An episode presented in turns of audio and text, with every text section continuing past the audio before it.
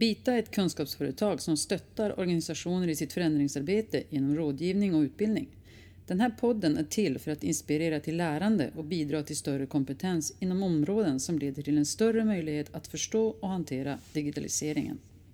Det här är andra avsnittet i Bitas serie om informationssäkerhet med Erik Dahl, managementkonsult och moderator, Barbara Carreño, VD och Mats Oxlin, managementkonsult.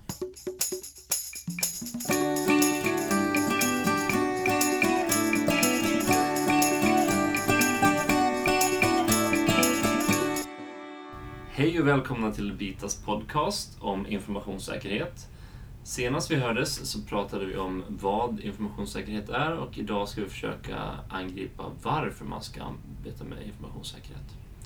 Jag heter Erik Dahl och är konsult på Bita och med mig idag har jag som förra gången eh, Mats Voxlin och Barbara Carreño. Hur mår ni? Bra. Bra. Jättebra. Hur mår du? Jag mår bra.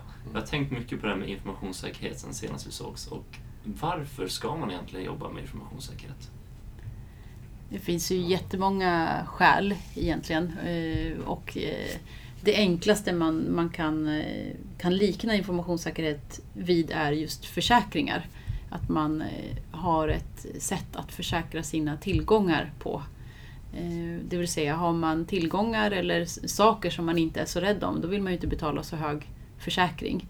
Eh, men har man däremot en väldigt dyrbar bil eller en dyr klocka eh, så vill man gärna betala mer för en försäkring som skyddar de här eh, sakerna, då, bilen eller klockan. Då. Så att det handlar om att, att betala liksom rätt summa pengar eller lägga rätt resurser på att skydda sin information så att man inte slösar med tid, eh, ekonomi och så vidare. Så man ska, man ska försäkra så att säga rätt saker, rätt typ av information ska man lägga pengar på. Ja, kanske. det som är värdefullast för eh, organisationen. Det finns ju lite andra aspekter tycker jag också på den här frågan. Eh, Jag håller med om det du säger, att absolut är det så. Men det finns ju också, man kan ju se legala skäl också som kan vara ganska tungt. Visserligen kan man ju alltid, det kan man också väga mot kostnadsaspekten såklart, om det är vitesbelopp och annat förknippade med. Men att man vill ju gärna följa lagstiftningen på olika sätt, det är ett skäl. Sen så kan jag Finns det stora viten kopplat till informationssäkerhet? Ja, i alla Eller fall vad är den bild? ja, nya GDPR innebär ju, kan ju betyda avsevärda kostnader för organisationer om man inte följer den. Så, att, eh, så är det ju absolut. Och det är väl det som har varit eh, problematiken också lite, att det inte har varit så eh, väsentliga belopp som har utgått för när man har överträtt de här lagstiftningarna. Då. Jag tänker på PUL till exempel. Eh, Det som eh, var väldigt eh, aktuellt för, måste jag tänka efter hur många år sedan, ungefär 12, 13, 14 år sedan var ju Sarbanes-Oxley i samband med Enron-skandalen. Då var, hade man ju väldigt höga eh, risker och, och eh, viten förknippade med att man inte var, alltså efterlevde eh, lagstiftningen. Då. Eh, men eh, i Sverige, och Sverige, svensk lag- lagstiftning har ju varit ganska, Mm. ganska snäll, måste man ju ändå säga. Är det. Är det därför som så, eller jag i alla fall intrycket att ganska få organisationer tar de här frågorna på riktigt stort allvar? Jag kan få lite känslan av att om det inte finns en, en väldigt tydlig ekonomisk konsekvens och att man inte gör saker och ting så lite grann som du säger försäkringsaspekten här så Mm. blir det inte alltid gjort. Eh, Jag kan tycka om man ändå ska prata om varför man ska göra informationssäkerhet och runda av den så kan jag tycka att det finns ju andra aspekter också som man kanske som organisation ska fundera över. Dels så kan ju tredje part drabbas eh, om man inte hanterar information på ett korrekt sätt. Även om det inte skulle vara förknippat med kostnader för organisationen själv så kan det ju skapa problem eller tråkigheter hos en annan, annan part. Eh, och sen tycker jag också att det finns en, en värdeaspekt liksom runt omkring ja, alltså goodwill-frågan, att det kan betyda mycket för organisationen liksom när det gäller ja, på marknaden liksom och sådana saker. Att man, man kan skapa liksom, göra affärsmässigt stor skada om man inte um, sköter de här sakerna. Så det Och- finns ju andra skäl också tycker jag. Mm, och att det i sin tur drabbar trovärdigheten Precis. för precis. organisationen, företaget och så vidare. Ja. Är, är er bild också, när ni är ute och träffar kunder, att eh, bolag inte tar det här på allvar? Eller ser vi någon förändring där? Går det åt rätt håll? Lägger, lägger företagen mer pengar på att faktiskt skydda sin information?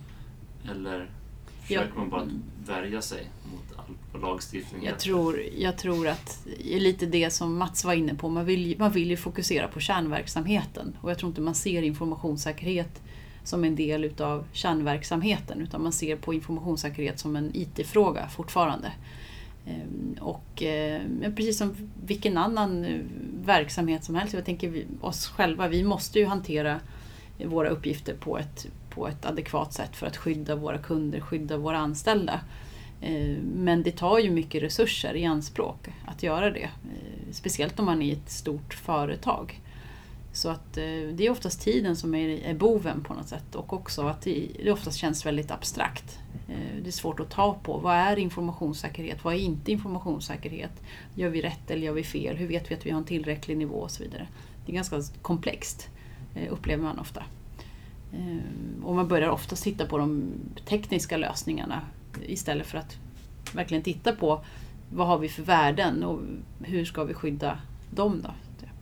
Jag jobbat mycket med infrastrukturfrågor tidigare och där, där skedde en väldig förändring. Det är inte så himla länge sedan ändå. Det är kanske 15-20 år sedan så hände mycket förändringar som gjorde att, att eh, tidigare väldigt slutna och säkra system blev väldigt exponerade utåt. Och jag tror det var en process på ett antal år innan man liksom insåg att, att man levde helt plötsligt i en annan verklighet. Mm. Man levde med IT-system, man, man, levde i marknader, avreglerade marknader på ett annat sätt än tidigare som plötsligt gjorde att systemen var, var exponerade ut mot nätet, många aktörer. Mm.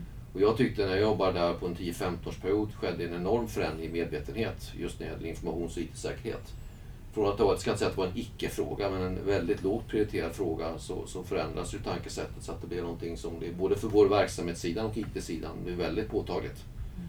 Men det tog, det tog ett tag helt enkelt att nå dit.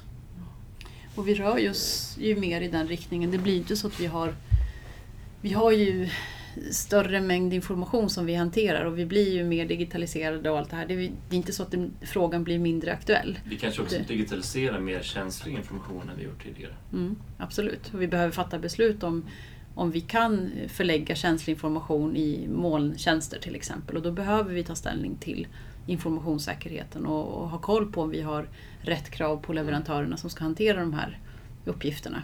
Så det blir på något sätt ett, ett nödvändigt ont eh, i och med att man har ett, ett större ansvar eh, att, att ta sig an de här eh, frågorna. Eh, vartefter lagstiftningen kanske stramas åt och, och vi har mer information som, som är digitaliserad.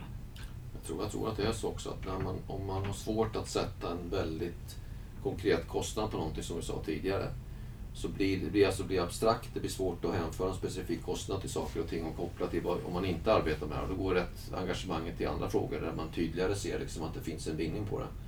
Och det men jag tror att utvecklingen har varit så att det blivit tydligare efterhand hur mycket som faktiskt ligger även ekonomiska intressen i att man håller ordning på sin information. Mm. Jag tror också att det har bidragit till att jag uppfattar nog att, att fler företag jobbar med det än tidigare.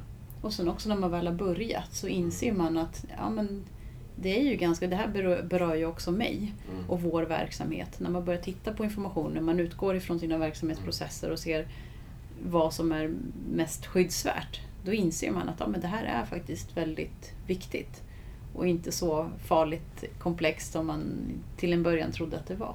Jag tror inte att det är så också. I takt med att vi vanliga människor hela, i hela vår vardag blir mycket mer IT-beroende. Vi betalar med kort, vi ser hela tiden Alltså vi hela tiden får, liksom blir någonstans, ska jag säga, vi, vi utsätts för hela tiden för de här riskerna eller ser dem på, i vår vardag på tydligare sätt så tror jag det påverkar också hur vi agerar på företag och i, i den rollen vi har där. Mm.